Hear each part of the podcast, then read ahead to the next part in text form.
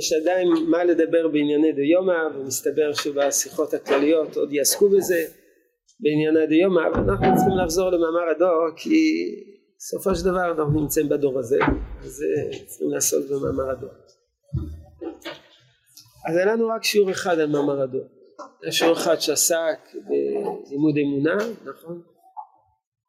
היה שיעור כזה? ואחר כך שיעור אחד בלבד על מאמר הדור. אז מה ראינו בשיעור האחד הזה במאמר הדור? ראינו שהרב מתאר את הצרות הגשמיות ובעיקר הרוחניות בדורו שנת תרס"ד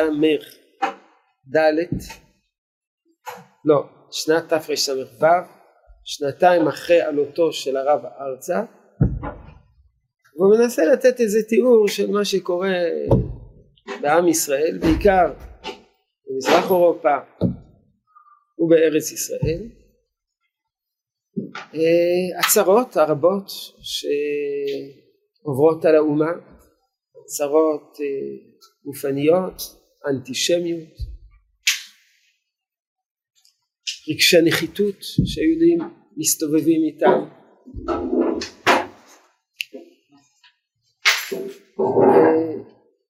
הרב אומר אם הדור היה באמת דור מושחת אז אפשר להבין למה הוא כל כך סובל.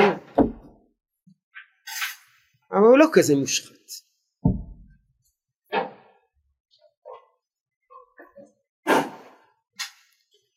הרב בעיקר אומר שמה שיש זה נתק בין האבות לבין הבנים אבות זה דור מקיים המצוות, הבנים זה הצעירים, חלקם חלוצים, חלקם הצטרפו לתנועות החברתיות, קומוניזם, סוציאליזם. בעיקר הקושי מעבר לנתק שכל אחד מאשים את הקבוצה, כל קבוצה מאשימה את הקבוצה השנייה בצרות. שומרי התורה אומרים כל הצרות באות בגלל אה, הצעירים שלא שומרי תורה.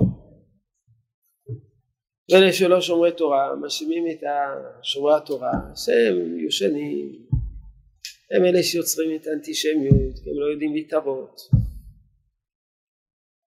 הם, אה, הם נבדלים. וההתבדלות היא זאת שיוצרת את השונות והשונות היא זאת שיוצרת את האנטישמיות תמיד בציורים של היהודים היו מציירים את היהודי מהדור הקודם שנהיה שונה.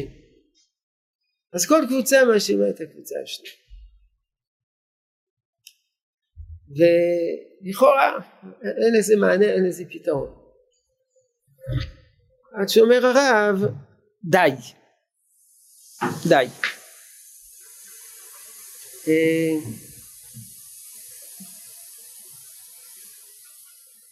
אני לא יודע עד איפה הגענו, פה. והרב אומר שאין מי ש... טוב, אז איפה שהדי, זה, זה קטעים שעוד לא ראינו, שבעזרת השם נתחיל לראות עכשיו, הרב אומר שאף אחד לא עוסק בהשבת לב אבות על בנים ולב בנים על אבותם. אז קראנו כמה איגרות, שבהם הרב אומר שהוא רואה בתור תפקיד שלו, תפקיד אישי שלו. לתפקיד של המזרחי, כלומר אותו ציבור שהוא נמנה עליו או שהוא מאוד קרוב אליו. התפקיד זה להשיב לב אבות הבנים לב בנים על אבותם. אבל השבת לב אבות הבנים לב בנים על אבותם אומר הרב זה לא רק עניין רגשי זאת אומרת צריכים לאהוב כל יהודי כזה חבדניק לא שזה באמת דבר חשוב להשיב לב אבות הבנים זה לא רק להגיד אה, כל יהודי הוא נחמד אלא לאהוב אותו צד רגשי. אה, אחוות דם. אלא להשיב אבות על בנים ואף בנים על אבותם זה להכיר את המעלות של הזולת. להכיר את המעלות של הזולת לא הכוונה רק את המידות הטובות להבין את, ה, להבין את, ה, את העולם הפנימי שלו. זה אומר הרב זה כבר עבודה אינטלקטואלית. זה לא רק עבודה רגשית. אני אוהב אותך. למרות הכל אני אוהב אותך. אה, אלא להגיד אני אוהב אותך כי יש סיבה טובה לאהוב אותך. אבל בשביל לגלות את הסיבה הזאת זה עבודה אינטלקטואלית להבין את הערך שלו, להבין את המשמעות של העולם הרוחני שלו, להבין למה העולם הרוחני שלו עשוי לתרום. ואם הוא יתרחק מן העולם שלי אולי יש בעיה בעולם שלי ובגלל זה הוא לא מזדהה עם העולם שלי. אני לא יודע מי הזכרתי, אני חושב שהזכרתי, מאמר הדור, עוד כמה מאמרים הבאים אחרי מאמר הדור, זה בעצם פנייה אל עולם התורה, להכיר את, לפנות פנייה אל האבות, להכיר את הבנים. ושני המאמרים האחרונים של קובץ המאמרים של עקבי הצאן, שזה שני מאמרים מאוד מאוד ארוכים, דת אלוקים ועבודת אלוקים, זה בעצם פנייה אל הבנים להכיר את העולם הרוחני של האבות. ולא רק באופן שטחי. אפשר להסתכל על היהדות או כפולקלור, אוכלים גפילטע פיש וסופגניות בחנוכה ואוזני המן בפורים וקניידלר בפסח וכן על זה הדרך שזה בעיקר דת קולינרית דת של מאכלים. או לראות את היהודים כאנשים שתקועים בעבר וכל מיני דברים כאלה. והרב קוק מנסה בשני המאמרים האחרונים ללמוד לעומק מה זה דת אלוקים, מה זה נקרא להכיר את הקדוש ברוך הוא, מה זה, מה זה נקרא, ומה זה נקרא עבודת אלוקים.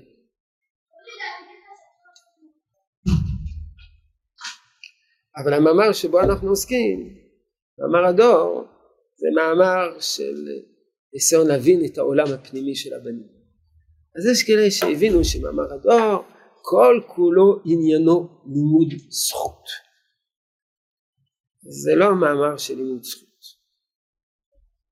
זה לא הסיפור. הסיפור זה להבין את העולם הפנימי שלהם, גם בשביל לדעת אנחנו, איך לכוון אותם, איך להדריך אותם, מה, מה, מה אנחנו, איך אנחנו פוגשים אותם. אם אתה לא מבין את האדם, אתה לא יכול לפגוש אותו.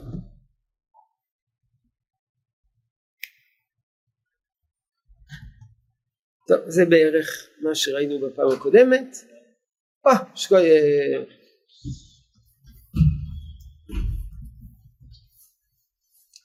זה טוב ש... חשבתי שהתקדמנו יותר, אז טוב. מה? זה יחים.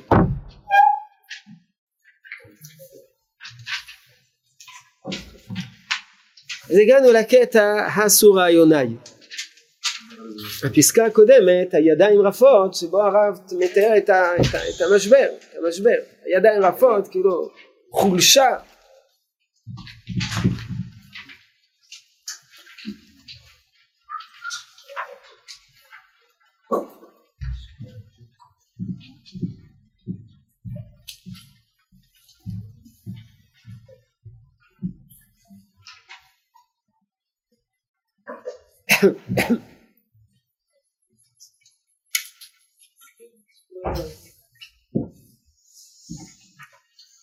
הסו רעיוני, כלומר אחרי שהרב מתאר, יש לו כולם דפים? מישהו חסר לו דף? לכולם יש, טוב? בסדר. אסו רעיוני, אל תשתוכחו ואל תאימו, כלומר לא, לא להתייאש. הפסקה אסו רעיוני בעמוד הראשון, רואים למטה אסו רעיוני? מה? כן, שלישית מילה. יש שמש צדקה זורחת, כלומר יש מענה, יש פתרון, יש תרופה למחלה. אף תביא מרפא בכנפיה, תמחה דמעה מעל כל פנים, רוח ששון תחת רוח כהה תמלא את כל לב. למה? כי דורנו דור נפלא. המילה נפלא משמשת בשתי משמעויות. המשמעות הרגילה, נפלאה, אתה מתפעל. אבל דור נפלא, הכוונה תואר שיש בו פלא, יש בו דבר מוזר, יש בו דבר יוצא דופן, זה דור נפלא. הנה דור שכולו תימהון דור שכאשר אתה מתבונן עליו הוא מעורר אצלה תימהון אצלך תימהון קשה מאוד למצוא בו למצוא לו דוגמה בכל דברי ימים. הוא מורכב מהפכים שונים. חושך ואור משמשים בו בערבוביה ושפל וירוד וגם רם ונישא. הוא כולו חייב וגם כולו זכאי. נקודה יודעים כתוב בחז"ל שהמשיח יבוא בדור שכולו חייב או כולו זכאי. כולו זכאי או כולו חייב. והרב קוק אומר לא הדור שלנו גם כולו חייב כולו זכאי. הדבר הזה מצריך הסבר. כי אין דבר כזה להיות כולו זכאי כולו חייב. כשאדם הוא כולו חייב כולו זכאי פירושו של דבר שהוא חצי זכאי חצי חייב. כך במתמטיקה הפשוטה. הרב קוק מכנה את הדור כולו חייב כולו זכאי וזה הוא יסביר בהמשך איך יכול להיות שהוא כולו זכאי וכולו חייב וזה התימהון. זה התימהון. אנחנו חייבים לעמוד על אופיו למען נוכל לצאת לעזרתו. והוא מסביר בכל הזמנים ובכל הדורות אנחנו רואים בדור שהוא מלא פרצות הפרצות עוברות על פני כל חוגו המוסרי. זאת אומרת פני כל הרבדים המוסריים. לכל צדדיו דור שוכח אלוקה הוא גם כן דור סורר ומורה זולל וסולל זאת אומרת בדרך כלל דור שהיה מקולקל מבחינה דתית שוכח אלוקה הוא גם היה מקולקל בהתנהגות שלו המידותית החברתית. התרחקו מאלוקים אז הפכו להיות בלתי מוסריים. הנה מראש מקדם עת זנח ישראל את צור אובדן אה, חולשה בקשר לאלוקים הנה מעבר מזה זובחי אדם הגלים שקום ויצמדו לאלילים. זה מצד אחד עובדים עבודה זרה. וישכחו את מושיעם עובדים עבודה זרה. מעבר מזה מצד שני זנות יין ותירוש ייקח לב וגנב יבוא ופשט גדוד בחוץ. זאת אומרת יש עבריינות. מצד אחד יש ירידה ירידה דתית ובמקביל לזה לא, לא מאידך במקביל לזה יש גם אה, קלקול מוסרי עבריינות. הירידה היא כללית היא כללית. פה נשים מבכות את התמוז עבודה אלילית ושם כל אח עקב יעקב, עקב יעקב וכל רע יכיל יהלוך וזה הקו עובר הוא על פני כל התולדה שלנו גם כן בגלות הרב קוק הביא פסוקים. הפסוקים זה בית ראשון. אומר הרב קוק זה, זה לא, העיקרון הזה היה נכון לא רק בבית ראשון אלא גם בבית שני וגם בגלות. אנשים שעבדו את השם היו דתיים היו גם מוסריים. מי שלא היה דתי הוא גם היה מקולקל בתחומים האחרים. זהו הדור הזה. שובב, רעיל, אבל גם נעלה ונישא. יוצאים מן הכלל, נושאים מן החשבון, כמובן יש יוצאים מן הכלל, את היחידים הגסיים שלקחו לכם, לקחו להם את רוח הפרצים למסווה לא אלה על ידו עלילות של גזל וחמס חמם חמס וכל נבלה. אבל זה יחידים. אבל הכלל כולו נמצא כי מצד אחד חוצפה יזגה אין הבן מתבייש מאביו. נערים פני זקנים ילבינו. זה במובן של אה, המשכיות המסורת. חוצפה יזגה במובן הדתי. אין הבן מתבייש מאביו, דיינו לא מוכן לקבל את המסורת. נערים פני זקנים ילבינו, לעומת זה רגשי החסד, היושר, המשפט והחמלה עולים ומתגברים והכוח המדעי והאידיאלי פורץ ועולה. אומר הרב קוק מצד אחד יש שם אה, נקרא לזה אובדן דרך טוטאלי מבחינה אימונית דתית. מצד שני יש שאיפה וחסד ויושר, משפט.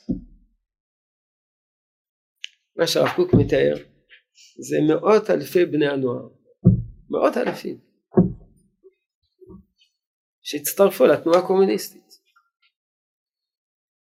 ניתוק מוחלט מהיהדות. מחיקה כמעט טוטאלית מכל מה שקשור יש לו זיק יהודי. ראשי המהפכה הקומוניסטית כידוע היו יהודים הסגן של, של, של סטלין היה יהודי. טרוצקי. זה שם רוסי שקראו לו פרידמן כזה משהו כזה. היה יהודי. מנותק לגמרי. מאות אלפים.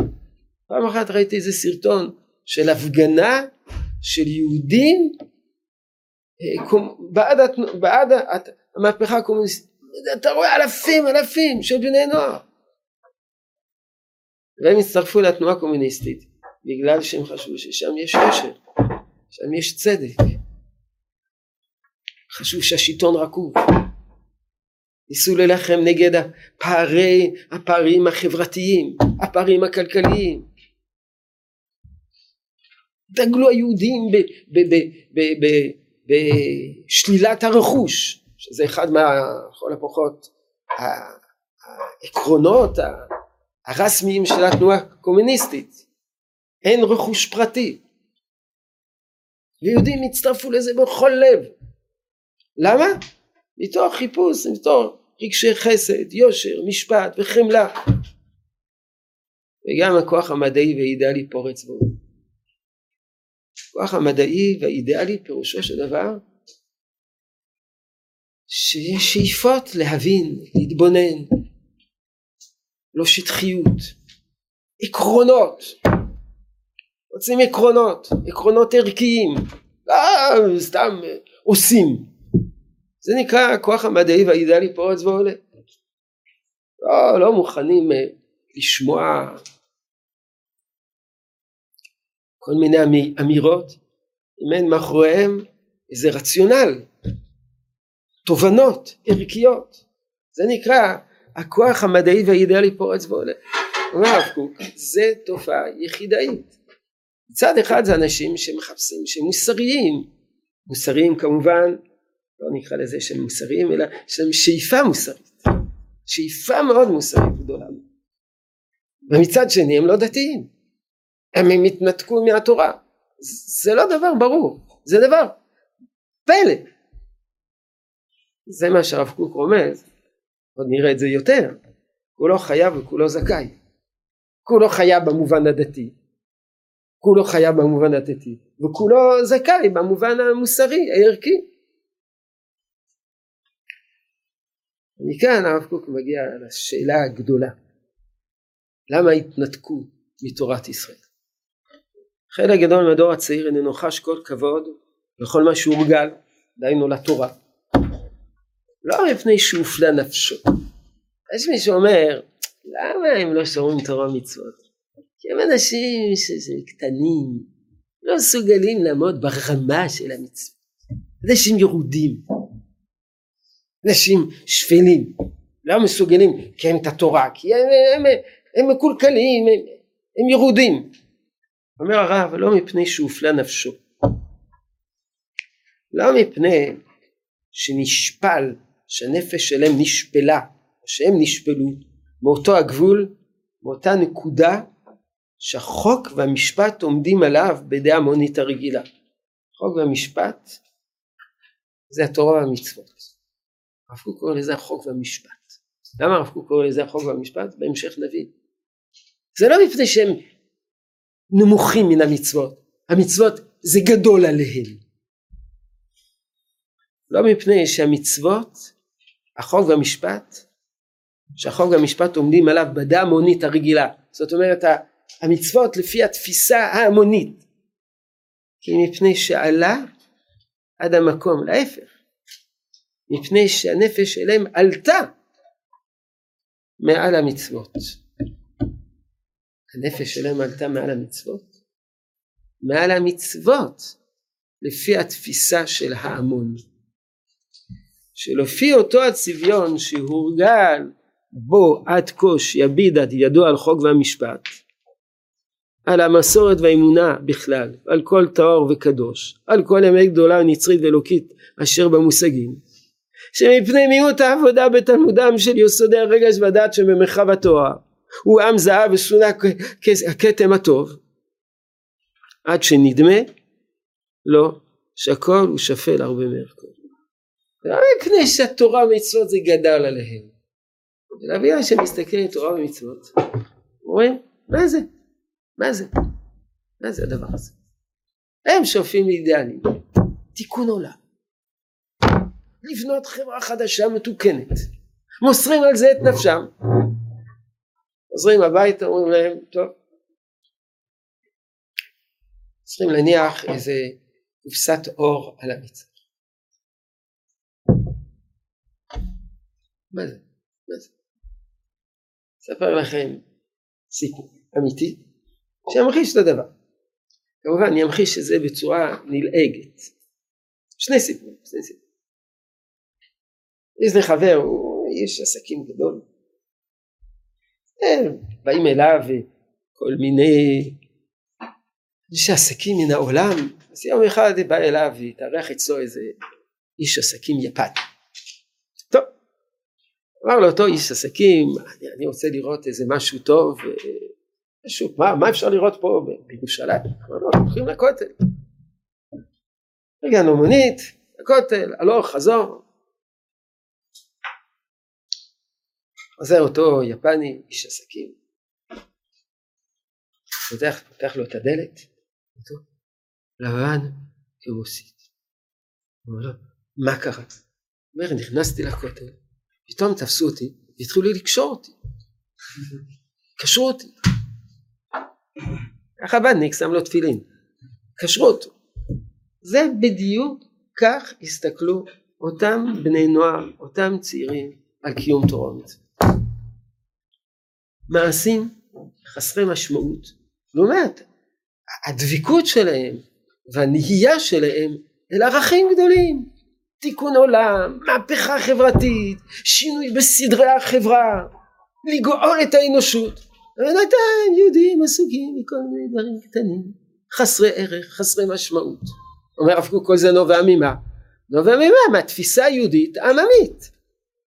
אתה מסתכל על תפיסה יהודית עממית, מצוות אנשים מלומדה, שאנשים עושים מצוות, אז זה נראה כמו איזה מין פולקלור.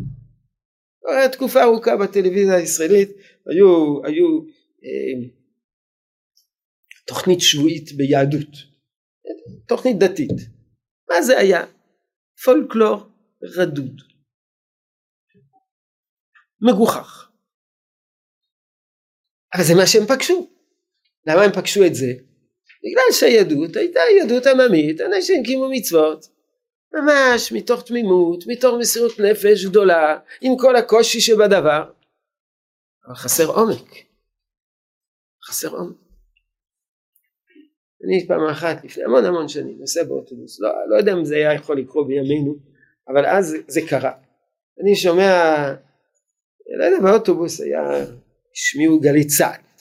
גלי צה"ל זה כל מיני קריינים וכתבים צעירים בגיל שלכם חיילים הפכו להיות אה, כתבים. אז יושבים להם בעולם, באולפן ומגחכים. אתה לא יודע. אתה לא יודע. הייתי עברתי ליד חנות היה שם שמפו בטעם אבוקדו כשר לפסח. אבוקדו כשר לפסח! ומתחיל לצחוק וכשהם חייל וחיילת צוחקים באולפן. זה מה שראו באותו דור אה, הצעירים. אז אמר הרב קוק, הבעיה שלהם זה לא שהם קטנים מן היהדות, אלא הם הרגיש, הרגישו את עצמם גדולים מן היהדות. שהיהדות זה, זה מעשים פולקלוריסטים, חסרי תוכן, חסרי משמעות, והם שואפים אידאלים גדולים. זאת הסיבה שהם זנחו את היהדות. אם נאמר בלשון מדויקת, השאיפה שלהם לגדלות היא זאת שהביאה אותם למשבר. השאיפה לגדלות היא זאת שגרמה למשבר. היא זאת שגרמה למאיסת היהדות. זה מה שאומר. הוא נתגדל, הדור, כלל ישראל כולו, ועלה בפעם אחת, בבת אחת פתאום יש שאיפות, אבל התורה לא עלתה יחד איתם, התורה נשארה נמוכה. לא התורה, האופן שבו באותו דור הציגו את התורה. חלון הראווה של התורה. הוא נתגדל ועלה בפעם אחת. הצרות מרקו, הצרות של הגלות מירקו את הדור הזה, שטפו מורג ושותף, זה ביטוי שמופיע בתורה. נתנו לו לב מתנה ומוח הוגה, מחדש ואף, ולא יוכל לעמוד בשפל. כנפיים יעשה לו ברוחו, ובמרומים ימריא, ושם לא נתנו לו עדיין את חפצו. מחפש לשמוע דברים גדולים ושומע דברים קטנים. מעל ירושלים דלמטה החרבה והשוממה המושפלת עד שאול תחתיה התעלה ולירושלים שלמעלה לא יוכל להיכנס. כן הקדוש ברוך הוא נכנס בירושלים שלמעלה עד שייכנס בירושלים שלמטה. דש מלך עיר מלוכה קום יצא מתוך האפרה רב שבט בן מקבחה התעוררי התעוררי כי בעורך קומי אורי אורי אורי שדברי כבוד השם עלייך זו הטענה של הרב וזה בעצם נקודת הוויכוח גדולה שהייתה באותה תקופה בעם ישראל. יש כאלה שאמרו אנשים לא מקיימים תורה ומצוות למה? כי הם אנשים שפלים. אנשים שפלים. ידוע מפורסם נאום של אחד מגדולי ראשי ישיבות בדור הקודם על החילונים אוכלי חזירים ושפנים, אוכלי שפנים. זה מה שמאפיין אותם, הם אוכלי שפנים.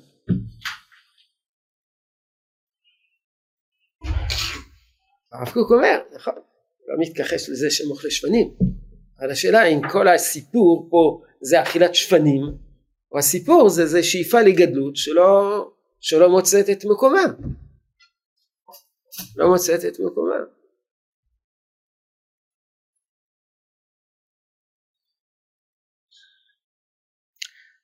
המסקנה הראשונה של הרב קוק היא כזאת. נכין לו את הדרך. נראה לו את מבוא העיר הוא ממשיך את המשל ירושלים של מעלה ירושלים של מטה. למען יוכל למצוא את הפתח. נודיע לו שימצא מה שהוא מבקש דווקא בגבול ישראל. אחזתיו ולא הרפנו עד שהבאתיו אל בית אמי ולחדר אורתי. תמיד הרב קוק משלב פסוקים. הנקחה ויאכל בית אמי, לא קט אמי, אלא בית אמי תלמדני, אשכחה מיין הרקח מיין מעסיס רימון. לא נעשוק ממנו את כל האור והטוב, את כל הזוהר והעוצמה שרכש לו, כי אם נרבה עליהם, נזריח אליהם באור של חיים, באור האמת, המנהיר ממקור הנשמה הישראלית, ובנינו יביטו אליו וינרו. זאת ההדרכה הראשונה. יש גישה שאומרת אתה פוגש אדם חילוני אתה אומר תשמע כל החיים שלך הם זבל אחד גדול. זבל. אתה חי בזבל. אתה מאוכלי השפנים והחזירים למיניהם עם לא עכברושים זה הכל. מה שאתה צריך לעשות שלב ראשון תעשי איקס אחד גדול על כל העולם שלך כי כל העולם שלך אין בו כלום. דמתקרא עגלה ריקה המפורסמת. אין בך כלום. אומר הרב קוק, זה לא נכון. יש בהם שאיפה לערכים. הם טועים בדרך, אבל יש להם שאיפה לערכים. הם מצטרפים לתנועה הקומוניסטית בגלל שחושבים שהתנועה הקומוניסטית תביא ברכה לעולם. והם מוסרים את נפשם על זה. יש בהם רגשי חסד וחמלה ומשפט ומחפשים צדק והאור המדעי והאידיאלי זורח אז מה אתה אומר לו? אתה אומר לו יהודי אתה שואף לגדלות. השאיפות שלך נכונות. כוונותיך רצויות. מעשיך אינם רצויים תמצא את האמת הגדולה שאתה מחפש בתורת ישראל. אז אל תמחוק לו הייתה תקופה ארוכה שבאמת זו הייתה גישה שכל בן אדם שבא מעולם החרדי שכל כל אחד ש, ש, שבא מ, מ, כל חוזר בתשובה בעולם אחר לא יודע מה תמחוק את כל מה שאתה עשית עד עכשיו היית אומן תפסיק להיות אומן היית צייר תפסיק להיות צייר כי, כי, כי כל העולם שלך הקודם היה פגום אתה מתחיל כמו תינוק שנולד, גר, תינוק שנולד. טבולה רזה, אתה, אתה מוחק את כל מה שהיה לפני כן ואתה מתחיל את הכל מחדש. אומר הרב קוק זה לא נכון. כי דווקא המשבר נוצר בגלל השאיפה לגדולות. וכיוון שהמשבר נוצר בגלל השאיפה לגדולות, אתה צריך להעריך את זה ולהגיד להם, טוב, אתם מחפשים, יש לכם שאיפה לגדולות, תמצאו את זה בתורת ישראל. זה, זה, זה מה שאומר הרב, זאת ההדרכה הראשונה. אנחנו ננסה לסמן בכל אורך המאמר את uh, כל ההדרכות השונות שישנם, וזאת ההדרכה הראשונה, זה מופיע בשורה השלישית, שתי הדרכות, מופיע בשורה הראשונה, נודיע לו שימצא את מה שהוא מבקש דווקא בגבול ישראל, אתה מחפש אמת, אתה מחפש גדלות, אתה מחפש יושר, אתה מחפש אידיאלים, תמצא אותם בתורת ישראל. עד עכשיו התאכזבת מתורת ישראל, נראה לך שאפשר למצוא את כל זה בתורת ישראל. דבר שני, לא נשוק ממנו את כל האור והטוב. נשוק ממנו פירושו של דבר להגיד לו אין בך כלום. לא, יש בו אור, יש בו טוב, יש בו זוהר, יש בו עוצמה שרחס לו. נרבה עליהם, נוסיף. זה, זה הדבר הראשון. ואז הרב קוק חוזר ומעמיק עוד יותר את מה שהוא אמר לפני כן.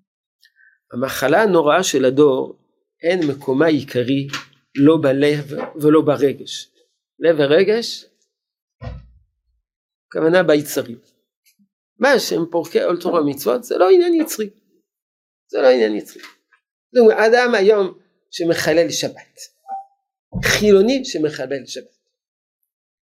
היו תקופות ארוכות בתולדות עם ישראל שיהודי שחילל שבת, למה הוא חילל שבת? כי הוא רצה להרוויח כסף בשבת, זה מה שעניין אותו, זה מה שעניין אותו, אז הוא חילל שבת. זה מה שעניין, לא עובדים בשבת אז מאבדים את הפרנסה.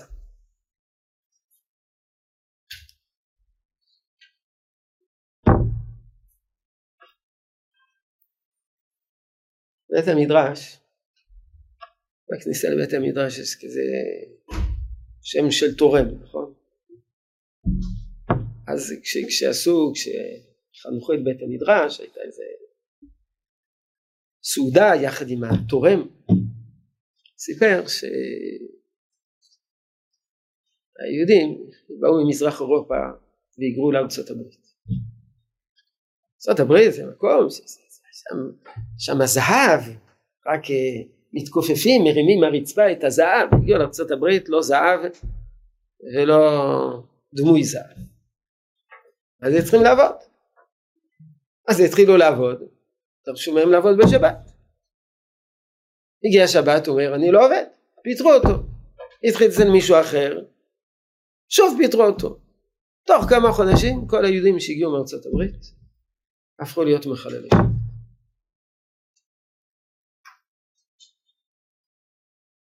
הוא אומר שהחנות היחידה של יהודים שהייתה סגורה בשבת זו הייתה החנות של האבא של התורה. זו הייתה החנות היחידה. אז יהודים זה, זה הסיבה ש, שהם חיללו שבת, פרנוס להרוויח עוד כסף. היום אדם חילוני שמחלל שבת הוא מחלל שבת בגלל שהוא רוצה עוד כסף. הוא מחלל שבת בגלל שהוא לא מאמין בשבת. הוא לא מבין את הערך של שבת. אם, אם שבת זה מנוחה אז זה מנוחה. ידידי כל השבת לא יכול להדליק את האור לא יכול ללכת לים לא יכול לנסוע לטיול. הוויכוח הוא אידיאולוגי. באותה תקופה בימים קדמונים מי שלא שמר על טהרת המשפחה אז לא שמע טהרת המשפחה בגלל אה, יצר של עריות. היום חילוני שלא שומר טהרת המשפחה זה בגלל יצר של עריות. הוא לא מאמין בזה, הוא לא מבין מה זה הסיפור הזה. מה זה הקטע הזה?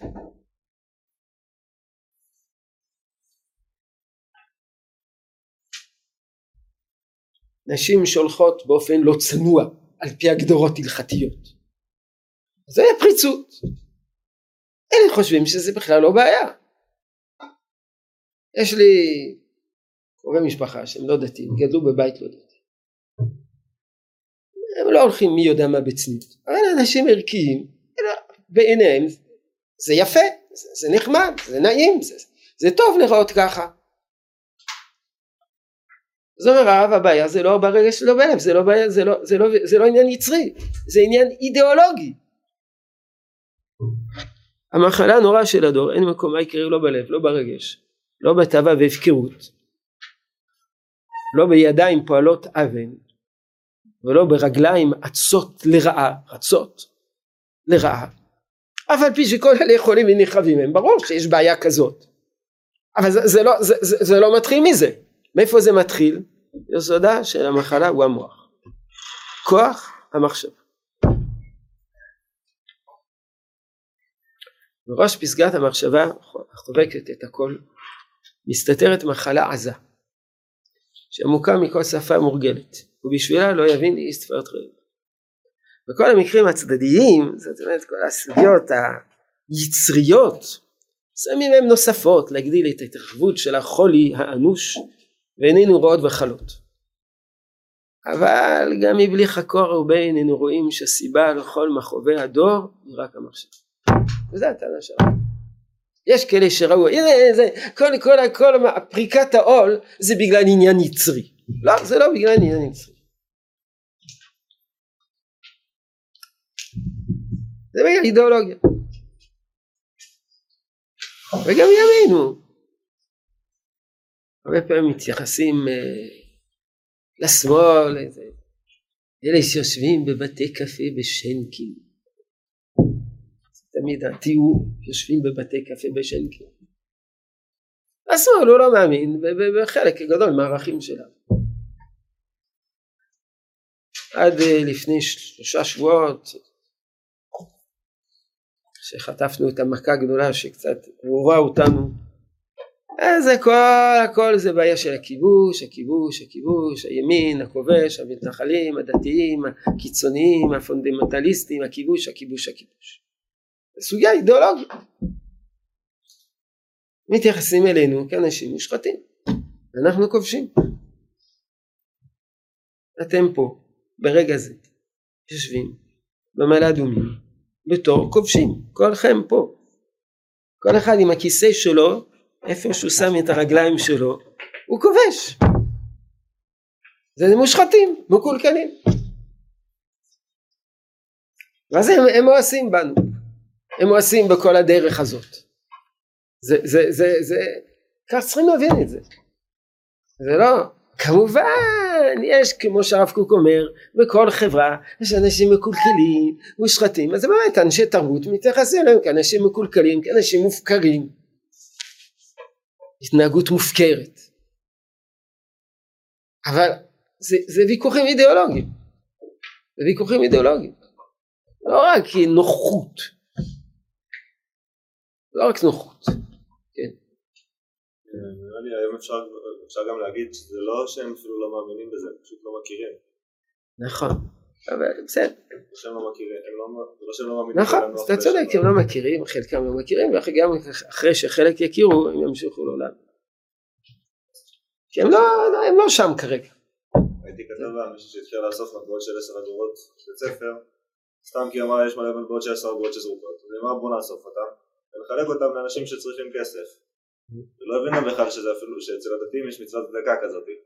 לא הגיע את הדבר הזה. בסדר, אתה צודק, יש הרבה שלא מכירים, אבל הוויכוח הוא ויכוח ידוע.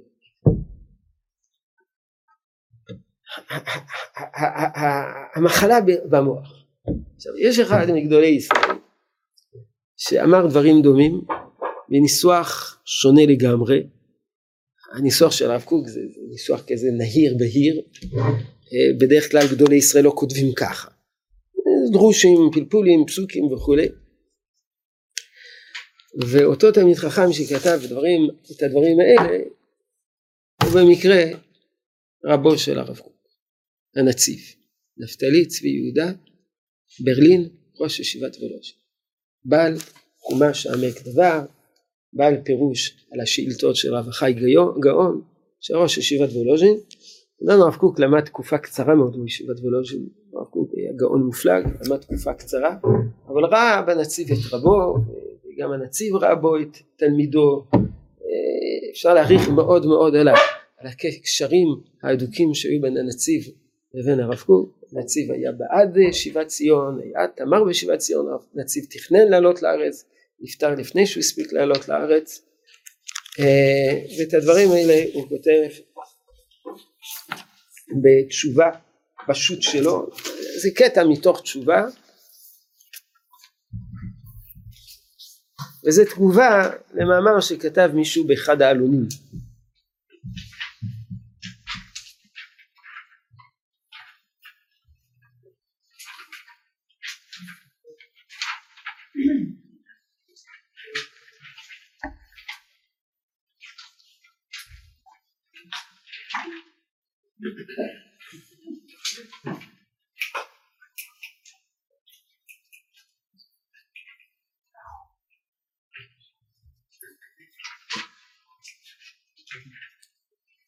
טוב, הוא, הוא מגיב לאיזה מאמר שטען שהדור, שהדור המקול, ש, שלא היה דור פרוץ כמו הדור שלנו, דור של הנציב. והנציב אה, מנסה לנתח את תולדות, תולדות הרוח בעם ישראל, מבחינת החיבור לתורה ולמצוות. אבל נתחיל מהפסקה השנייה. מראש יש לדעת שלא כדברי המעריך, המעריך הכוונה עורך של המאמר.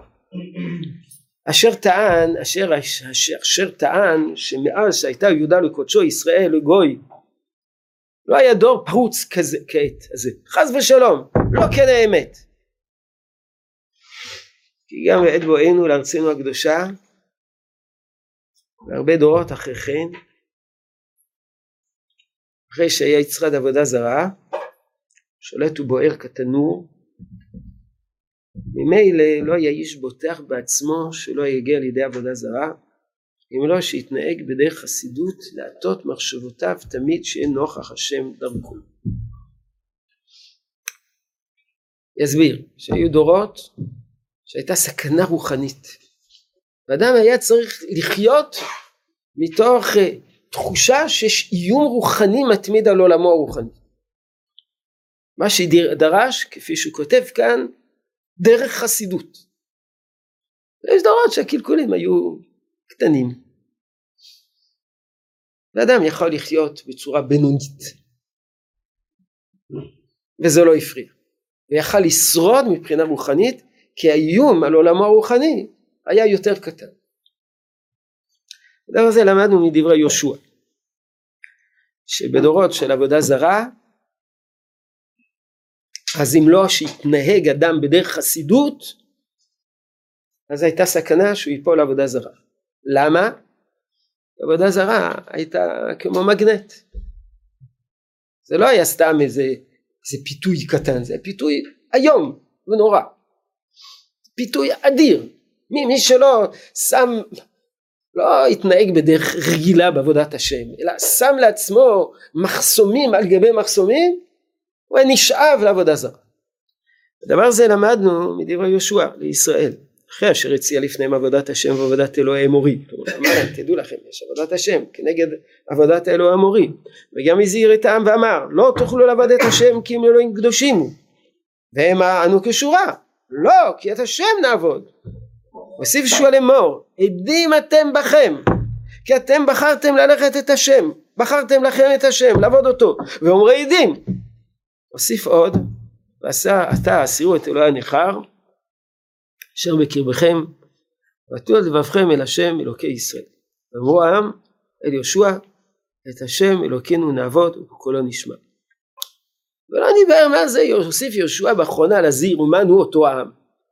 אלא עניין שידע יהושע את יצרה לעבודה זרה ישלוט שישתרה בעבודה זרה ישלוט בארצנו הקדושה. כי תדע במדרש שיר השירים על הפסוק רחצתי את רגליים אחי את כנפיהם שאותו מקום מסיענו לעבודה זרה זאת אומרת עם ישראל כאשר ישוע חזר אותם לשוב לארץ ישראל אמרו תראה כשהיינו בארץ ישראל עבדנו עבודה זרה ירדנו יצאנו לגלות בבל ושם יש פחות עבודה זרה. אתה רוצה להחזיר אותנו לארץ ישראל ששם נעבוד כל כך עבודה זרה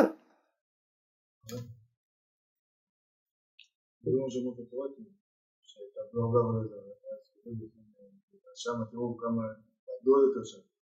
טוב, אבל עם ישראל יש מדרשים שאומרים שהם זכרו את העוצמה של עבודה זרה שהייתה בארץ ישראל ולכן הם חששו, חששו. בכל אופן העיקרון הוא שעבודה זרה הייתה מאוד שואבת, מאוד מאוד מאוד. ועל כן הזהירו ישוע אותם שלא תהיו בטוחים, כלומר אל תפתחו ברצון חונסכן ברצונכם היום לעבוד את השם. היום אתם מצהירים שתעבוד את השם, תדעו לכם, זה, זה לא מספיק. זה לא מספיק, אל תפתחו בזה. על כן, אמר להם יהושע, אם באמת אתם מקבלים לכם שלא לעבוד עבודה זרה, אז בעל כוחכם תסירו את אלוהי הנכר אשר בקרבכם היינו אפילו מה שהכנענים עובדים עבודה זרה בקרבכם תסירו בעל כוחכם לא רק שלא תעבדו עבודה זרה תסלקו לגמרי את כל זכר לעבודה זרה מארץ ישראל. כדי שלא תהיו נשכים אחרי. וגם עטו את לבבכם אל השם פירוש שלא תשמחו אשר גם מבלי משים לב אל השם לא תגיעו לידי עבודה זרה. אלא צריכים זהירות. אלא תטו את לבבכם אל השם לשוות את השם נגד לבבכם תמיד. זאת הייתה אזהרת יהושע אשר ידע בנבואה את עוצמת יצרת עבודה הזרה בארצנו הקדושה. אבל ישראל לא ידע. עם השם לא יתבונן באזהרת יהושע. ויענו גם הפעם את השם אלוקינו נעבוד ובקולו נשמע פירוש אין לנו לירה כל כך זה בסדר אל תפחד נעבוד את השם יהיה בסדר. אלא גם בלי להטות הלב תמיד שהוא דרך חסידות לא נעבוד עבודה זרה. אלא את השם אלוקים. והנה מה עלה בדורות הללו? עברו על עזרת יהושע ונכשלו כמה דורות. עד שבא שמואל הנביא וחזר להזהיר, להזהיר עליו על זה. כמבואר בספר שמואל ויאמר שמואל כל בית ישראל ואם כל בכל לבבכם אתם שבים אל השם אסירו את אלוהי נכר והכינו לבבכם אל השם ועבדו לבדו וכתיב שם דאז עשו כן ויסירו בני ישראל את הבעלים את השטרות ועבדו את השם לבדו. ומשמעות לבדו?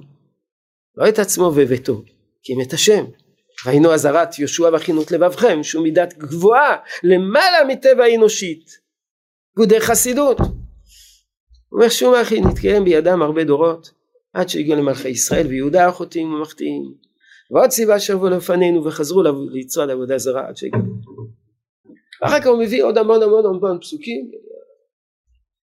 הנציב עסק הרבה בתנ"ך הוא גם עסק הרבה במקרא בישיבת וולוז'ין. היה שיעור יומי במקרא של הנציב.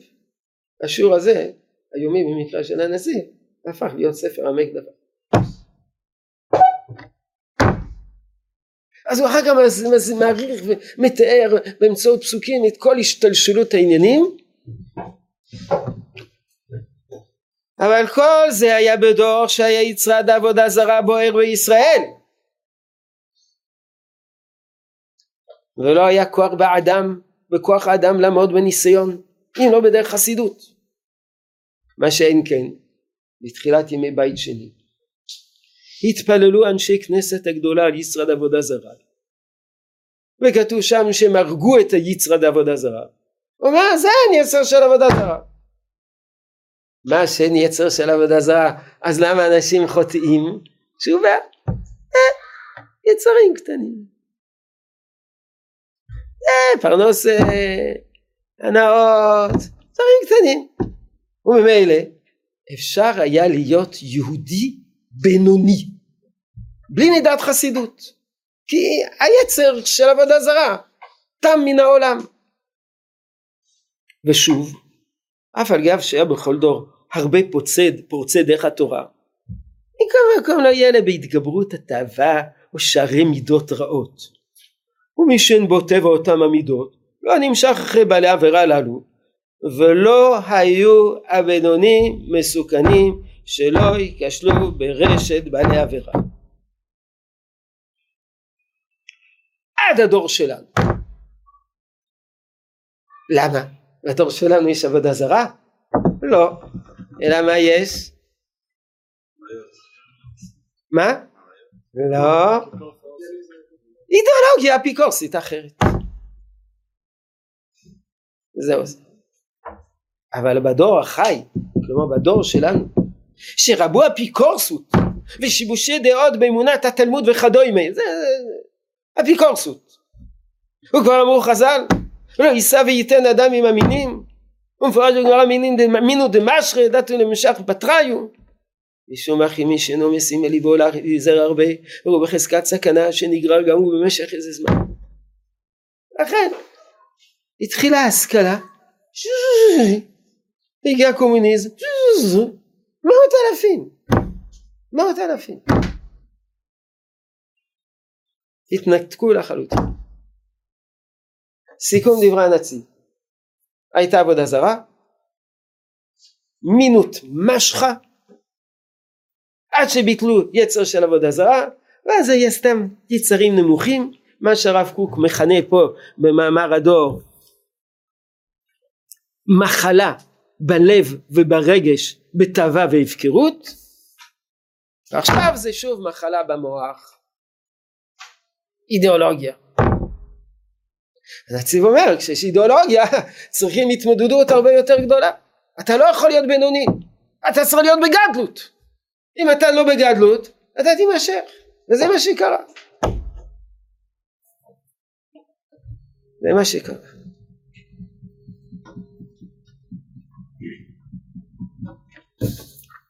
נחזור למאמר הדור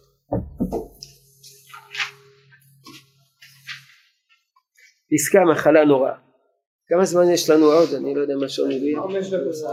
חמש דקות. לכאורה שעה אחרי שזה התחיל. חמש דקות. אז יש לנו. אז נספיק עוד איזה קטע, עוד כמה שורות. שורה חמישית בפסקה המחלה נוראה.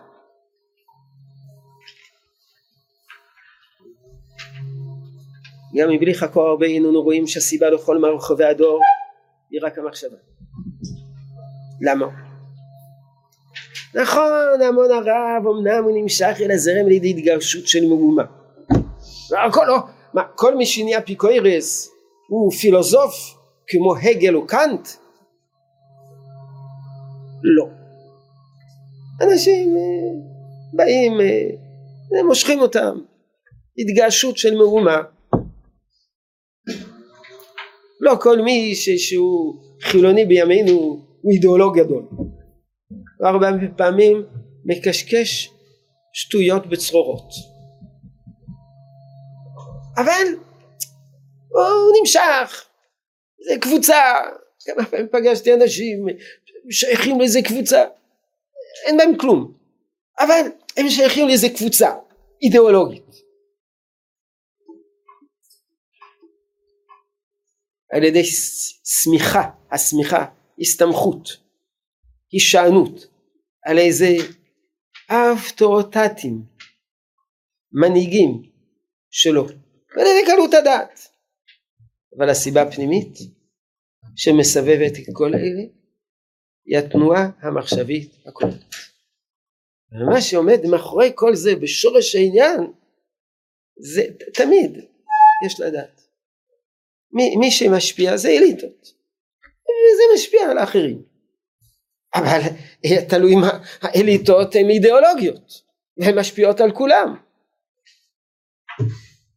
תנועה מחשבית כוללת שמצאה מקום במוחם של הכוחות הפועלים, כלומר של הכוחות המנהיגים, המובילים, על ידי מה שבא לבקש חשבון על כל האוצר של הרגש שאליהם מאז ויבבם, על ידי הרגל, החינוך, המורשה, ברב ובמעט, ולא מצא ידם להעמידו על בירורו בכל צדדים.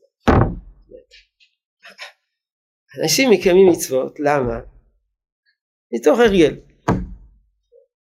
חלק מהיהדות זה רגש. סבא מישהו אצלו, אתה, אתה, אתה רוצה לעזוב את היהדות? אתה רוצה לעזוב את היהדות? הסבא שלך היה דתי. כל אחד אומר, הסבא שלי היה רב. כן. הסבא שלך היה דתי ואתה רוצה, אתה תצר את ההורים שלך. זה רגש. עם ישראל מסר את נפשו על התורה ואתה רוצה לעזוב אותה? זה רגש. עם שאין לו עבר אין לו עתיד. שמעתם ודאי הרבה פעמים את האמרה הזאת? עם שאין לו עבר אין לו עתיד. למה? מי אמר שעם שאין לו עבר אין לו עתיד? זה רגש. זה רגש. רגש זה דבר חשוב, אבל אי אפשר לבנות את הכל על רגש. אספר סיפור. פעם אחת הייתי באיזה קבוצה, שם כל מיני משכילים חילונים, ויכוחים, עכשיו נקודות חיבור, אין נקודת חיבור. בדיוק היה דיון האם מותר להביא נבלות התרופות מחוץ לארץ, להביא בשר לא כשר מחוץ לארץ, אחד אמר מה זה נקרא חירות, חופש. אמרתי לה גם, גם נייבא לארץ חזירים? חזירים? חס וחלילה. לא, לא חזיר. שאלתי אותה למה לא חזיר? היא לא יודעת שעל פי התורה יש עונש יותר חמור על אכילת נבלות טרפות מאשר אכילת חזיר. זה לא אמרתי לה כי לא הייתה מבינה. חזיר למה לא? למה? כי הסבתא שלי מסרה נפשה לא לאכול חזיר. בעברית מודרנית רגש. זה רגש. אבל רגש הוא לפעמים מחזיק מעמד, לפעמים לא מחזיק מעמד. אז אצלה זה מרגיש, זה, מה, זה הרגש בחזיר. ושבת, לא, בזה אין לה שום רגש. ולמה הרגש לא מחזיק מעמד? הרגש, על ידי הרגל, החינוך, המורשה, המורשה הכוונה מורשת, כי לא מצאו ידם להעמידו על בירורו מכל צדדיו. עכשיו ניסו לבחון את הרגש בכלים אה, של אה, תובנות, בכלים רציונליים, לא הצליחו לברר את זה. אז הם נטשו את הכל. אז אומר הרב מכאן שהבעיה הייתה בעיקר בעיה אידיאולוגית, מחלה במוח. מה עושים עם מחלה במוח? זה בעזרת השם נראה בשבוע הבא. אה, כאשר אה, לא למדנו את הצד השני, הצד השני זה בשבוע הבא. אז מי שרוצה יכול לשמור את הדף הזה לעצמו ולהביא אותו בשבוע הבא. מי שלא רוצה, אני מוכן להיות שומר חינם, שימו פה את הדף.